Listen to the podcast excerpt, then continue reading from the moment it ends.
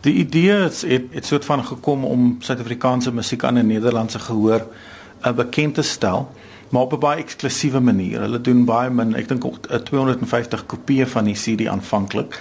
Ehm um, dis saamgestel deur uh, deur Herman van Veen, Karen Hougaard, ehm um, Janie de Tooy, die mense het ehm um, het het het bygedra om te kies wat nou moet gaan en dit is 'n baie interessante keuse uh, van van 20 stukke musiek wat op op die serie kom met 'n pragtige pragtige omslag ontwerp deur die kunstenaar Dick Grobler.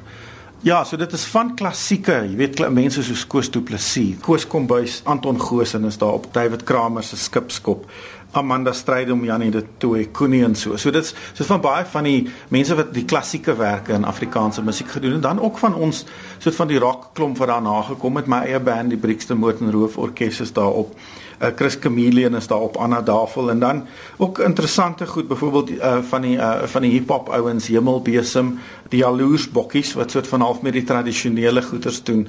Um, is is ook op en dan die laaste een op die serie is van ons die einste Jack Parow so die Nederlanders kry 'n interessante deursnit van wat in Afrikaanse musiek aangaan op die oomblik en en en, en in die verlede aangegaan het En natuurlik hierdie naam is ook nie onbekend by die Nederlanders nie want baie van hierdie mense gaan gereeld Nederland toe in toer daar en ek dink amper Jack Sparrow was nou onlangs daar gewees. Maar as jy nou so kyk na die name, die eerste helfte van die serie is almal wat voor 94 begin namaak het en die die die onderste helfte is is bietjie daarna. Wat is die wat is die wat is die rede daarvoor?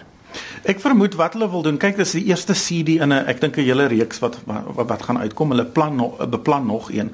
So ek dink dis eers net 'n breë snit uh van die geskiedenis van musiek en liriek uh deur voelvry met Koos kom by soort van die rak wat daarna gekom het en nou die mees onlangse goed. So ek vermoed dit gaan maar om 'n deursnit, 'n idee te gee van die diversiteit wat daar in Afrikaanse musiek beskikbaar is en ek ek moet by sê meer interessante Afrikaanse musiek. Ons praat nou hier van mense wat lirieke skryf wat bietjie meer om die lyf het as net 'n net 'n rymelary en en en tienerliefde. Ja, want hier is beslis nie kommersiële musiek nie, dis die dis die luisterliedjie. En de, wat wat dink jy is die verhouding met ons luisterliedjie en en die Nederlanders of dink jy nie hulle sal ons kommersiële musiek verkies nie? Kyk, ek dink daar's 'n baie belangrike tradisie in Nederland en Herman van Veen is natuurlik deel daarvan. En Suid-Afrikaners sal ook natuurlik die, die die musiek van Stef Bos ken. Maar daar's 'n diep tradisie in Nederland Nederland wat teruggaan na die kabaret beweging toe.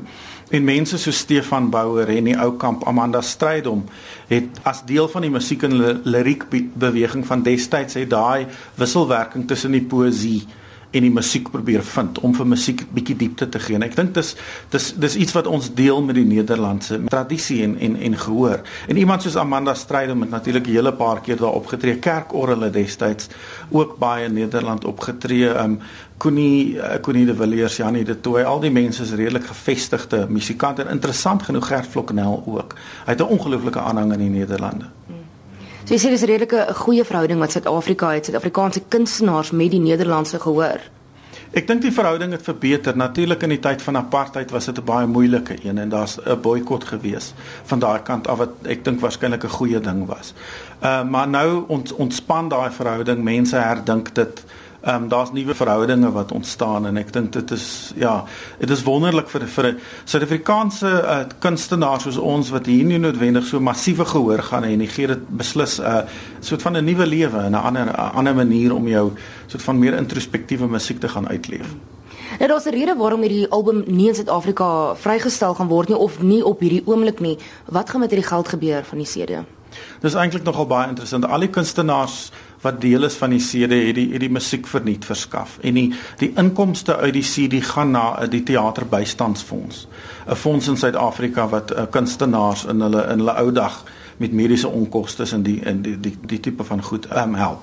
So die ehm um, die geld word in die Nederland gemaak maar dit word teruggeploeg in die Suid-Afrikaanse kunsbedryf en ten eh, ten bate van Suid-Afrikaanse kunstenaars. So dis 'n dis 'n goeie internasionale samewerking sou ek sê.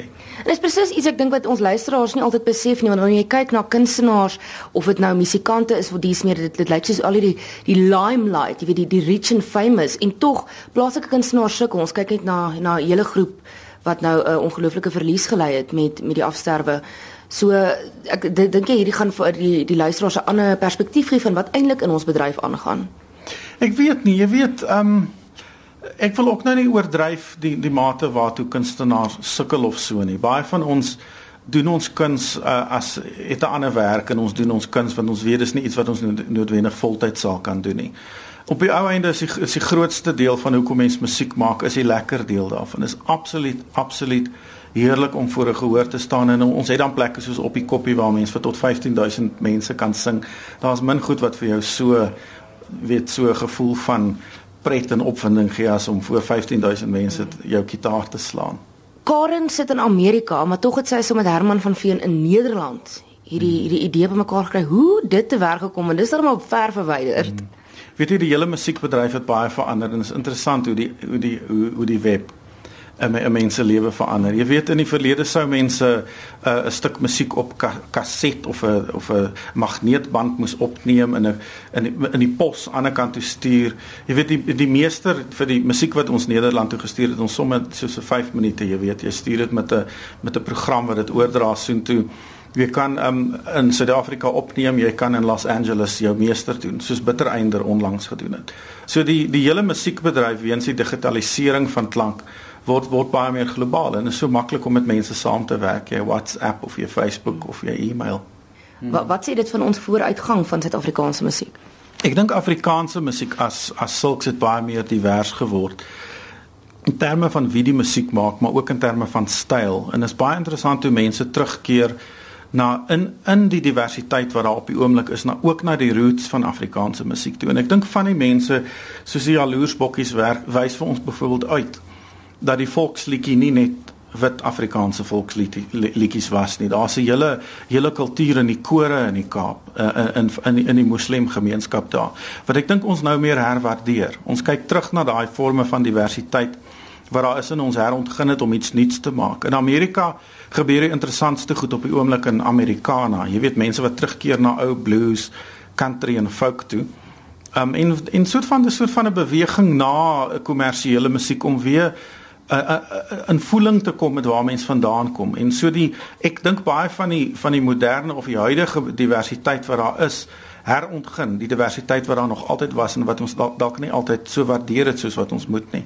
As mens kyk na die FHK sangbundel, is dit eintlik baie baie tragies dat so soveel van daai die die die moslim kore uit die Kaap is byvoorbeeld glad nie daarin verteenwoordig nie, selfs nou.